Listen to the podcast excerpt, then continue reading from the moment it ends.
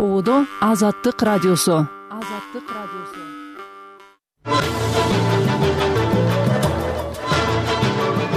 Кутман кечиңиз менен угарман азаттыктын жекшембидеги кечки берүүлөрүн баштайбыз. Микрофондо мен түмөнбай абдинаби уулу алдыдагы жарым саатта. Орусияда соңку эки күн ичинде алексей навальныйди эскерүү акцияларына чыккан төрт жүздөн көп киши кармалды. Анын эскерүү акциясы бишкекте да өтүп жатат. Для меня человеком который во времена когда всех пугают. Мен үчүн ал баары коркуп калган заманда өзү коркпой. Башкаларды да башты тик көтөрүүгө чакырган адам болду. Президент жапаров өзү мурда башкаларга каттаткан жыйырма миллион долларлык мүлкүн өзүнө жаздырганын билдирип башка жарандарды дагы бул өнөктүккө катышууга чакырды. Мен анча мынча маалымат алып жүргөм да бизде мамлекетибизде миллион доллар тапкан кишилер болгон эмес алдыда эл аралык басма сөзгө баяндама түрмөгүн дагы уга аласыз биздин толкунда болуңуз. Алгач дүйнөдөгү жана кыргызстандагы соңку жаңылыктарды кубат оторбаевден уксак саламатсыздарбы? Кыргызстан менен тажикстан дагы бир чакырым жүз он метр чек ара сызыгы боюнча макулдашууга келген министрлер кабинети он сегизинчи февралда кабарлады. Маалыматка караганда макулдашуу он биринчи февралдан он сегизине чейин тажикстандын бустон шаарында чек араны делимитациялоо жана демаркалациялоо боюнча өкмөттүк делегациялардын укуктук маселелер жана топографиялык жумушчу топторунун кезектеги жыйынында кабыл алынды. Министрлер кабинети жолугушуу достук маанайда жана өз ара түшүнүшүү кырдаалында өткөнүн белгиледи. Тараптар кийинки жолугушууну кыргыз республикасынын аймагында өткөрүшмөкчү кыргызстан менен тажикстан былтыртан бери чек араны тактоо иштерин активдештирди. Буга чейин эки тараптын расмий өкүлдөрү чек аранын токсон пайызы макулдашылганын билдиришкен. Бешинчи февралда кыргызстан тышкы иштер министри жээнбек кулубаев тажикстандагы сапарынын алкагында президент эмомали рахмон менен жолуккан учурда акыркы төрт айда мамлекеттик чек аранын жүз токсон алты чакырымы такталгандыгын айткан. Жалпы узундугу чек аранын тогуз жүз жетимиш эки чакырым. Белгисиз жагдайда каза болгон орусиянын оппозиция лидери алексей навальныйдин сөөгү салехард райондук клиникалык ооруканасынын өлүкканасында экенин новая газета европа өз булактарына таянып кабарлады. Жергиликтүү тез жардам кызматкери журналисттерге өлүкканага полиция күзөткө коюлгандыгын айткан. Ошондой эле дарыгердин айтымында анын кесиптештери навальныйдын денесинен калтырак басуудан улам денесинде көгөргөн жерлерди тапкан. Мындай тактар талмага окшош калтырап титирөөнүн кесепетинен келип чыгат деп жазат басылма фельдшердин сөзүн. Адам калтырап титиреп карыша баштайт. Аны кармап калууга катуу аракет кылышат денеде ошондон улам көгөргөн тактар пайда болот мындан тышкары дарыгер навальныйдин көкүрөк тушунан жүрөккө массаж жасалгандан кийин кала турган издер бар экендигин билдирген жаңы европа булагынын маалыматы боюнча сөөккө азырынча экспертиза жүргүзүлө элек маалыматтар боюнча жергиликтүү дарыгерлер москвадан адистердин келишин күтүп жатышат. Он алтынчы февралда алексей навальныйдин жабык мекемеде каза тапканы маалым болгон чоң жетиге кирген алдыңкы мамлекеттер москваны саясатчынын өлүмүнүн себептерин кылдат иликтөөгө жана коомчулукка жарыялоого чакырган. Эки күндөн бери орусиянын жана дүйнөнүн бир катар шаарларында акциялар өтүп навальный эскерилүүдө свобода радиосунун маалыматы боюнча орусияда он алтынчы он жетинчи февралда навальныйди эскерүүгө чыгып полиция тарабынан кармалгандардын жалпы саны төрт жүзгө жетти кыргыз республикасынын тышкы иштер министрлиги алматы шаарындагы алтын орда базарында эмгектенген кыргызстандык ишкерлердин укуктарын коргоо максатында казакстандын мамлекеттик органдарына кайрылуу нота жолдоду. Бул тууралуу аталган мекемеден кабарлашты. Маалыматта тышкы иштер министрлигине коңшу мамлекетте иштеген кыргызстандык жарандардан жамааттык арыз келип түшкөнү андан улам тийиштүү иш чаралар жүрүп жатканы айтылат. Министрликтин башкы консулдугу казакстандын тышкы иштер министрлигинин алматы шаарындагы өкүлчүлүгүнө жана алматы облусунун кара сай райондук полиция бөлүмүнө тиешелүү кайрылуу нота жөнөттү. Жакынкы күндөрү алтын ордо соода комплексинин жетекчилиги менен жолугушуу пландалууда деп айтылат маалыматта. Учурда казакстан тарап бул жагдайды жөнгө салуу боюнча башкы консулдуктун кайрылуусун карап жатат. Он төртүнчү февралда жогорку кеңештин депутаты жанар акаев алматынын алтын орда базарында көп жылдардан бери эмгектенип келаткан кыргызстандык ишкерлердин укуктарын көтөргөн болчу буга чейин казакстандын кара сай райондук соту алтын орда базарынын аткаруучу директору түбү кыргызстандык кыргызстандын жараны эрмек маркабаевди төрт жылга абакка кескен. Өзбекстандын туңгуч президенти ислам каримовдун кызы лола каримова тилляева менен анын күйөөсү ишкер тимур тиллаевге байланышы бар компания беверли хиллсдеги төрт миң төрт жүз элүү чарчы метрлик хан сарайды отуз алты миллион долларга сатты. Бул тууралуу the wall street journal басылмасы аймактын кыймылсыз мүлк реестриндеги маалыматтарга таянып кабар таратты билдирүүдө хан сарайдын сатып алуусу жөнүндө эч кандай маалыматтар жазылган эмес. Аталган үйдү тилляев жана тилляева эки миң он үчүнчү жылы отуз эки бүтүн э, ондон жети миллион долларга сатып алган ушул эле макалада лолла каримованын мындан башка дагы швейцарияда хан сарайы бардыгы. Ал болжол менен кырк жети миллион франкка багаланары жазылган.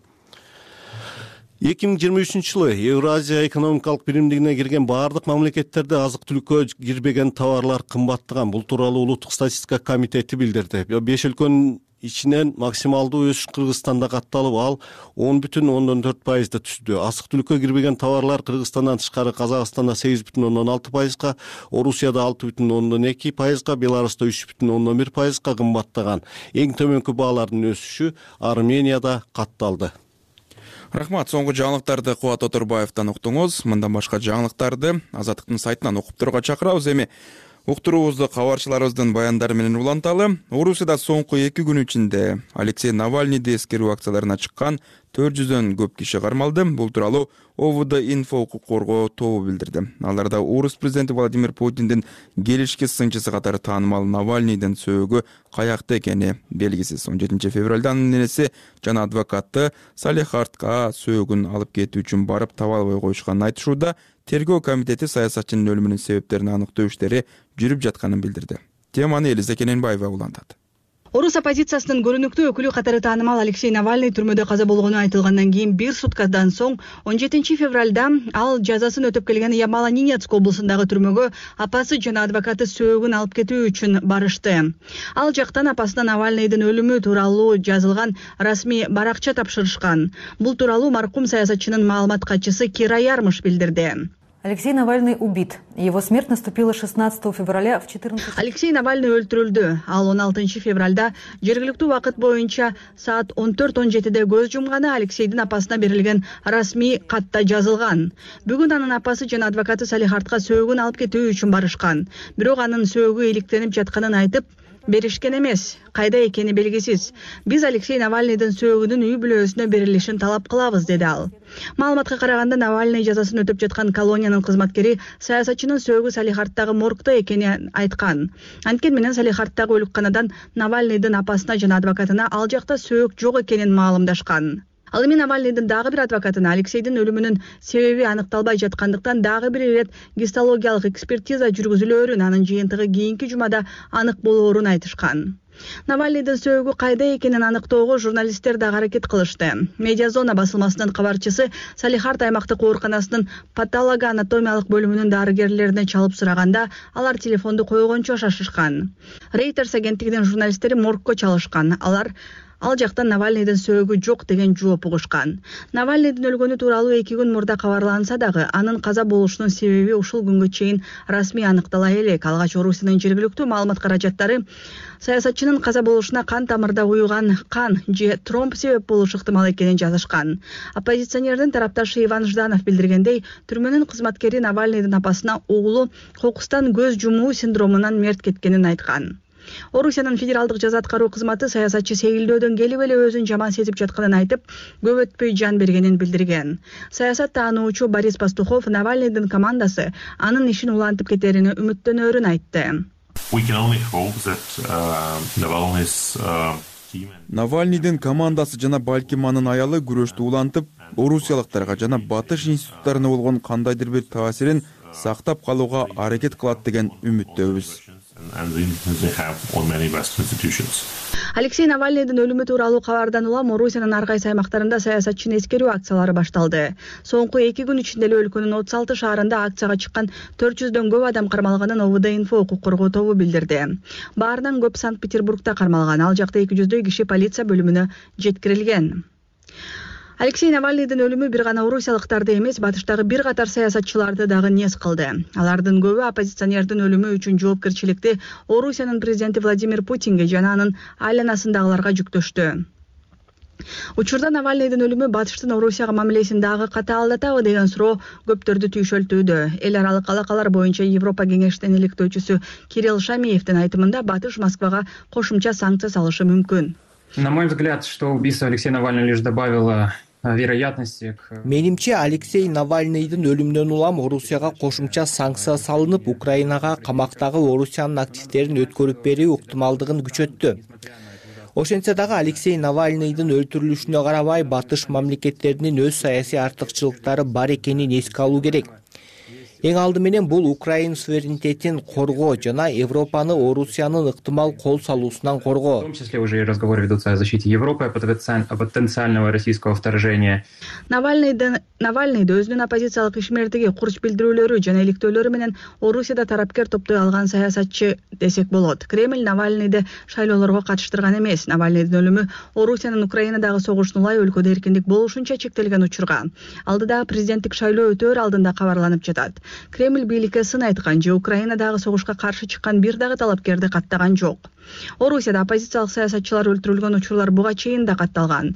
Эки миң он бешинчи жылдын жыйырма жетинчи февралында москвада орусиядагы оппозициячыл саясатчы борис немцовду атып кетишкен эле. Элиза кененбаева азаттык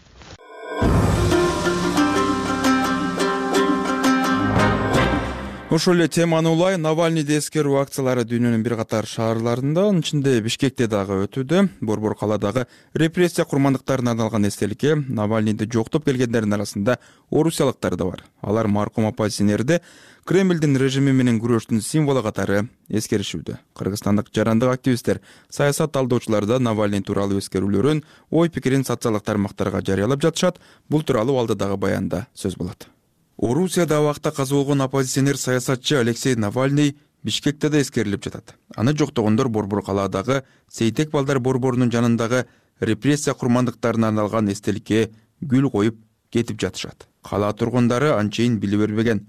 Көздөн далда жердеги эстеликтин астында гүлдөрдөн башка навальныйдын айткан сөздөрү жазылган кагаздар. Анын сүрөтү турат биз бул жерге барганда навальныйды эскерүүгө келгендердин көбү орусиядан келип бишкекте убактылуу жашап жаткандар экенине күбө болдук. Эч кимге байкатпай бир эки кишиден болуп келишип гүлүн коюп бир саамга эскерип турушат да кайра кеткенге шашылат. Кыязы бөтөн жерде өз коопсуздугуна сарсанаа болгондой.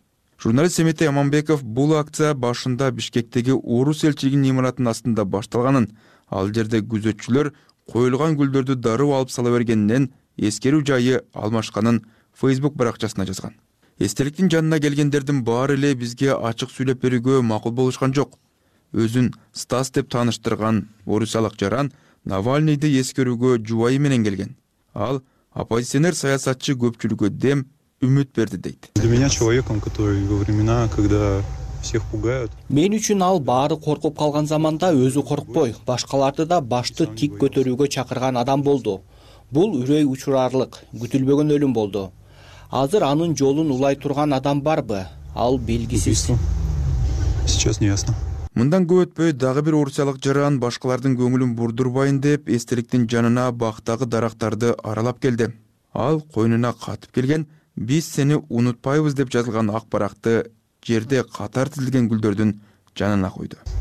Символом борьбы за свободу за ал эркиндик чындык үчүн күрөштүн символу болду деп айтаар элем. Мен анын баардык көз караштары менен макул эмесмин. Кандай болгон чакта да адамды минтип өлтүрүп коюшканы кишини капалантат. Бул чоң жоготуу болду. Ал өзүнүн көз караштарын ачык айткан жана ал үчүн күрөшкөн адам болду. Анын идеясын жолун уланткан адамдар дагы чыгат деп ойлойм. Эмесе анын өлүм менен аяктаган күрөшү текке кеткен болот. Я думаю найдутся потому что иначе эта жертва была зря. Деди атын ачык айтуудан карманган жаран бишкекте навальныйды жоктогон орусиялыктардын чочулоосуна да негиз бар. Орусиянын бир катар шаарларында өткөн эскерүү акцияларында полиция кызматкерлери үч жүз элүүдөй кишини кармап кеткенин свобода радиосу жазды. Укук коргоо органдары аларды коомдук иш чара өткөрүүнүн эрежесин бузууга айыптап жатат. Ал арада соттун чечими менен камакка алынгандар айып пулга жыгылгандар да болууда навальныйдын күтүүсүз өлүмү кыргыз коомчулугунда да талкуу жаратып бир катар жарандык активисттер саясат талдоочулар социалдык тармактарга билдирүүлөрдү жазып жатышат. Алар навальныйдын путиндин режими менен күрөшүүдөгү тайманбастыгын эркиндик чындык үчүн деген баалуулуктарды бекем карманганын белгилеп анын өлүмү үчүн кремльди айыптап жазышкан. Жарандык активист перизат саитбурхан навальныйдын тажрыйбасынан кыргыз жарандык коому принцип баалуулуктар үчүн аягына чейин күрөшүүнү үйрөнө алат деген оюн айтты. Саясатчы катары э, навальныйда бир гана жанагы режим менен күрөшүү эмес өзүнүн концепциясын сунуштаган да бул жанагы прекрасная россия будущего дегенчи. Бул саясатчылар жөн гана мындай биз тиги каршыбыз биз буга каршыбыз дебей өзүнүн бир кандайдыр концептуалдуу өлкө кандай болуш керек деген өзүнүн бир э, концептуалдуу түшүнүгүн э, да сунушташ керек дегенди билдирет го дейм андан сырткары албетте өзүнүн тегерегинде өзүндөй болгон күчтүү кишилерди топтоо э идеянын артында. Себеби дегенде навальныйга чейин келген орус оппозиционерлерин э, навальный бириктире алган да. Оппозиционер навальный түрмөдө каза болгонун он алтынчы февралда федералдык жаза аткаруу кызматы кабарлаган.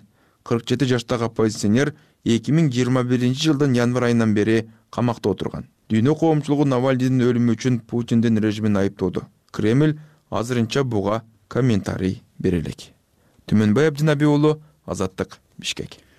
Азаттыктын уктурууларын эми учкай жаңылыктар менен уланталы кыргызстан менен тажикстан дагы бир чакырым жүз он метр чек ара сызыгы боюнча макулдашууга келгенин билдирди.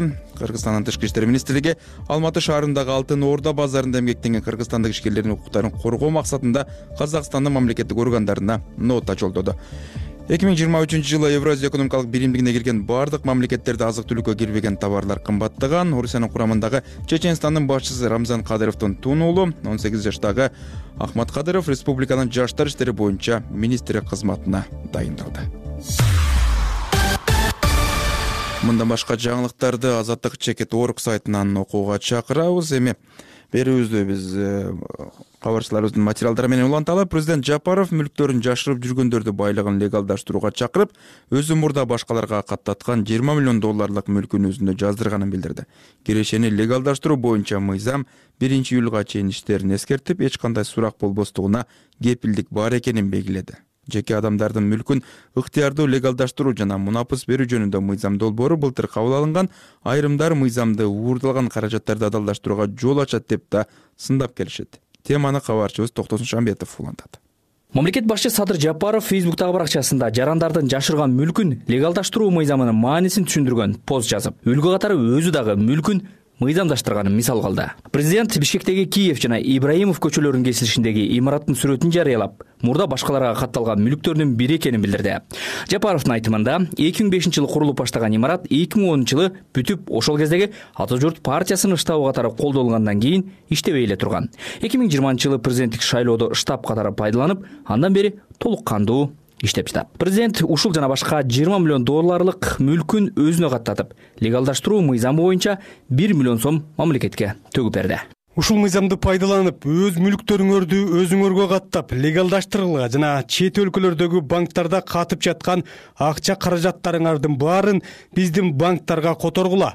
Бул мыйзамдын негизинде мамлекет силердин капиталыңардын коопсуздугуна жүз пайыз толук кепилдик берет. Жапаров мындан ары ички жана тышкы инвесторлор үчүн бейиштей шарттарды түзүп берүүгө мамлекеттин баардык күчү жумшаларын кошумчалады. Президент садыр жапаров өзүнө каттаткан имарат учурда асман бизнес борбору катары иштеп жатат. Борбордун инстаграмдагы баракчасындагы маалыматка караганда ар кандай фирмаларга ижарага кеңсе берилет. Бул имарат жөнүндө эки миң жыйырманчы жылы факт чек kg порталы иликтөө жарыялаган. Жеке адамдардын мүлкүн ыктыярдуу легалдаштыруу жана мунапыс берүү жөнүндөгү мыйзам долбоору былтыр кабыл алынган. Мыйзамдын маанисин жалпак тил менен түшүндүрүп айтканда жарандардын адалдаштырылган байлыгынын кайдан келгенине сурак болбойт азырынча мамлекеттик органдар мыйзам күчүнө киргенден бери канча жаран канча суммадагы каражатын легалдаштырылганы боюнча маалымат бере элек экономика жана коммерция министри данияр амангелдиев азаттыкка буларды айтып берди. Бир топ эле эмеден мурунку акциялардан бир топ эле. Тогуз жүзгө жакын адам жыйырма тогуз анын ичинен жыйырма тогуз адам миллион төлөдү да жанагы эмеденчи жүз миллиондон ашкан. Эгерде боло турган болсо бир миллион жанагы эмесин төлөйт төлөмүнчү. Ошондой жыйырма тогуз адам. Жок анын каражаттын эмеси айтып албайт ал тиги нотариус менен купуяда аныкы. Экономика министри жалпы канча каражат легалдаштырылганын атаган жок. Президенттин билдирүүсүнөн кийин мүлкүн башка бирөөгө каттаткандар байлыгын ачыкка чыгарууга ички инвесторго шарт жакшырабы деген суроо кайра күн тартибине чыкты ишкер тилек токтогазиев түрдүү себептерден улам өз мүлкүн ачыктай албай жаткандар үчүн керектүү мыйзам экенин белгилейт. Бирок токтогазиевдин пикиринде өлкөдөгү ишкерлерге карата акыркы жагдайлардан улам жарандар байлыгын ачыктоо кампаниясы максатына жетпей калышы мүмкүн. Эми президент э, өзүнүкүн э, баарын ачыктаса дагы э, буга эч нерсе болбойт. Башкалар мисалы үчүн өзүнүн чыныгы мүлктөрүн чыгарып койсо кийин аларды дагы жана кустеризациянын кийинки этабына өтүп кетиши мүмкүн дегенден коркуу сезим бар да кусторизацияга дагы кийинки список ошондон пайда болуп калышы мүмкүн дегендей э, коркуу сезимдери бар да азырчы жарандардын жашырган мүлкүн легалдаштырууга жол ачкан мыйзам парламентте талаш тартыш менен кабыл алынган. Бир нече депутат бул мыйзам коррупциядан туйтунган байлыкты адалдаштырууга жол ачат деп эскин сындап чыгышкан. Алардын бири жогорку кеңештин депутаты исхак масалиев кылмыштуулуктан табылган каражат эч качан адалдаштырылбашы керек деп эсептейт. Мисалы үчүн салык кызматында иштегенде мен анча мынча маалымат э, алып жүргөм да бизде мамлекетибизде миллион доллар тапкан кишилер болгон эмес. Ойлоп көрсөңүз мисалы үчүн бүгүн адам жыйырма отуз миллионду элүү миллион долларду мындай легализация кылам деп кылса анда отуз жылдын ичинде эмне бир жарым миллион доллар жылына тапкан бекен. Ким? Кайсы кайсы тиричиликтен ошону таап алат айтып бериңиз мага. Мен мисалы үчүн билбейм өз мезгилинде декларация тапшырбады беле жыл сайын. Демек ошол мезгилде билип туруп алдаган экен да. Кылмыш. Кылмыштан эч ким бошотулган эмес да. Бирок бул убактылуу баары бир эртеби кечпи ууруу жооп берет да. Анткен менен мындай сындарга президент жапаров баш болгон бийлик өкүлдөрү жооп берип көмүскө экономиканын көлөмүн азайтып инвестиция тартууга шарт түзүү экенин айтышкан буга чейинки маалыматтарга караганда өлкө тарыхында эки миң сегиз эки миң тогуз эки миң он үч эки миң он төртүнчү жылдары легалдаштыруу кампаниясы болгон. эки миң он үчүнчү эки миң он төртүнчү жылдары тогуз миң сегиз жүз кырк декларация тапшырылып сексен төрт адам отуз жети миллион сомдук бир жолку төлөмүн төлөгөн. Экономика министрлиги буга чейинки легалдаштыруу компанияларынын натыйжа бербегенин кылмыш ишин козгобоо жөнүндөгү мамлекеттик кепилдик болбогон деп түшүндүрдү. Токтосун шамбетов азаттык адилеттик издейм адилеттик издейм өмүрүн адилеттик үчүн күрөшкө арнаган азиза абдирасулова азаттык радиосунун адам укуктарына арналган жаңы подкастын сунуштайт. Укугу бузулган чындык издеген жарандарга микрофон сунабыз. Алар туш болгон жагдайды ачып көйгөйдү чечүү жолдорун чогуу издейбиз. Чогуу издейбиз. Адилеттик издейм подкастын apple google spotify аянтчаларынан жана азаттык чекит орг сайтынан угуңуз азаттыктын кечки берүүлөрүн угуп жатасыз. Соңку жаңылыктарды жана макала маектерди азаттыктын сайтынан дагы угуп турууга чакырабыз. Ошондой эле биздин сайтыбыздан жана азаттык радиосу сизге дүйнөдөгү жана кыргызстандагы соңку окуялар ал тууралуу талдоолорду дагы сунуштап турат. Азыр биз э, узап барат жаткан аптада эл аралык басылмалардын көңүлүн бурган урунттуу окуялар кайсылар болду? Айнура жекше кызы даярдаган басма сөзгө баяндама түрмөгүнөн угалы ооганстан борбор азиялык үч коңшусуна электр энергиясы үчүн карызынан кутулду. Муну менен катар энергия менен камсыз кылууну көбөйтүү боюнча сүйлөшүүлөрдү жүргүзүүдө. Америка авазы жарыялаган макаласында акмал дави бул кадамдарды талептер өкмөтү экономиканы турукташтыруу аракетин көргөнүнөн кабар берет деп чечмелесе болоорун жазат анын маалыматына караганда деңизден алыс орун алган ооганстан электр энергиясынын жетимиш пайыздан ашыгын тажикстан өзбекстан жана түркмөнстандан кайсы бир бөлүгүн ирандан алат. Быйыл тажик бийлиги ооганстанга бир бүтүн ондон тогуз миллиард киловатт саат электр энергиясын экспорттой турганын билдирди. Бул былтыркыдан он жети процент көп. Былтыр декабрда ооганстан сөз болгон үч өлкө менен электр энергиясын алуу келишимдерин жаңыртты макалада эки миң жыйырма биринчи жылдын августунда мурдагы өкмөт кулагандан кийин ооганстан электр энергиясы үчүн акыны өз убагында төлөй албай калганы баяндалат. Анын арты менен кээ бир өлкөлөр энергия менен камсыз кылууну токтотот деген коркунуч жаралган. Банк жана экономика тармактары санкцияларга туш болгон талиптердин бийлиги дээрлик бир жыл бою карыздарын өз убагында төлөө аракетин көрүп келди. Акмал дави андан ары жогоруда айтылган борбор азиялык коңшулар талибан кыймылынын өкмөтүн расмий тааныбаганын кабул менен кызматташууга экономикалык кызыкчылыктар түрткөнүн белгилейт. Түркмөнстан ооганстан менен активдүү соода жүргүзүүнү колдосо тажик бийлиги талиптерге каршы чыккан козголоңчуларга баш баанек берген. Президент эмомали рахмон ал жакта инклюзивдүү өкмөт түзүүгө чакырып келатат. Журналист өлкөнүн экономикалык оор абалына токтолуп бюджеттин жарымынан көбүн жаап келген донорлор жардамын кыскартып санкцияларды салганын чет жактардагы тогуз миллиард доллар каражатын тоңдуруп койгонун жазат. Ошол эле учурда дүйнөлүк банк маалымдагандай ооган улуттук валютасы туруктуу бойдон калууда. Былтыр ички киреши эки миллиард долларга экспорт бир бүтүн ондон тогуз миллиард долларга жетти. Бирок гуманитардык уюмдар талиптер бийликке кайтып келгенден бери ансыз да кедей өлкөдө жумушсуздук жакырчылык өскөнүн билдирип жатышат юрежанет сайты он бешинчи февралда түркмөнстанга арналган апталык бюллетенинде ал өлкөнүн саламат сактоо системасына кайрылды. Башында автор ковид он тогуз пандемиясы учурунда түркмөн бийлиги түркмөнстанда коронавируска кабылгандар жок деп кайталап келгенин эске салат. Мындан улам жетекчилер калктын ден соолугунун абалын чагылдырган реалдуу кырдаалды ачыкка чыгарат деп күтпөй эле койсо болот деген тыянак жасайт.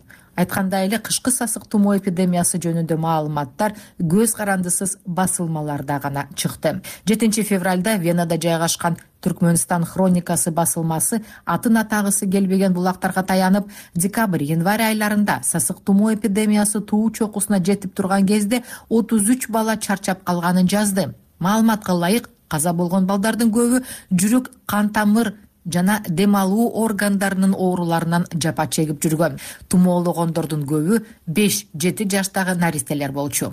Эпидемия күчөп турганда ооруканаларда керебеттер жетпей облустардан келген бейтаптарды шаардык ооруканаларга албай койгон учурлар көп катталган. Дары дармек тартыш болгондуктан өзбекстандан алып келүүгө туура келген. Үй шартында өздөрү билгендей дарылангандар көп болуп сасык тумоо ого бетер жайылганы айтылат. Буга чейин өткөн ноябрда кызамык күчөгөнү кабарланган. Андан тышкары кыздардын тазалыгын текшерген өнөктүк жүргөн. Түркмөн бийлиги калктын медициналык тейлөөсүн жакшыртууга ири каражат сарптаганын айтып келет. Былтыр күзүндө эки оорукана ремонттолуп түркмөн башы шаарында жаңы оорукана ачылды. Макалада айтылгандай маал маалы менен жаңы медициналык мекемелер курулганы менен ал жактарда көргөзүлгөн кызматтын сапатын текшерүү мүмкүн эмес bbc өткөн жылы казакстандын алыскы кенинде ири көлөмдөгү метан абага чыгып кеткенин жаңы анализге таянып жазды. Маалыматка караганда жүз жыйырма жети миң тонна газ жайылганда тутанган өрт алты айдан кийин гана өчүрүлгөн. Кабарчылар абага зыяндуу заттарды бөлүп чыгаруу жагынан көмүр кычкыл газынан да күчтүү мынча метан буга чейин бир да жерде сыртка акпаганын белгилешет. Салыштыруу үчүн айта кетсек жылына жети жүз он жети миң машина айлана чөйрөгө ушундай эле зыян алып келет. Макалада айтылгандай метан эки миң жыйырма үчүнчү жылы тогузунчу июнда маңгыстау облусундагы кенде бурголоо иштери жүрүп жатканда сыртка чыга баштаган. Аны биринчи болуп франциялык кейрос деген геоаналитикалык компания изилдеп кийин европадагы эки университет тастыктады. Окумуштуулар спутниктен тартылган сүрөттөрдү изилдеп чыгып июндан декабрга чейин метандын ири концентрациясы жүз он беш жерде байкалганын аныкташты. Валенсиядагы политехникалык институттун кызматкери луис гуантердин пикиринде буга түндүк агым куурундагы диверсия алып келген болушу мүмкүн. Маңгыстау облусунун экология департаменти тогузунчу июндан жыйырма биринчи сентябрга чейин метандын абадагы концентрациясы нормадан он эсеге ашканын бышыктаган. Билдирүүдө айтылгандай газ жайылып кеткен алгачкы бир нече саатта анын деңгээли уруксат берилгенден элүү эсе ашкан экен. Бирок кенге кылган бузачы нефть компаниясы мынча көлөмдөгү метандын абага бөлүнүп чыкканын четке кагууда. Макалада белгиленгендей былтыр климат боюнча коп жыйырма сегиз саммитинде казакстан метандын абага бөлүнүп чыгуусун азайтуу келишимине кошулган. Айнура жекше кызы прага.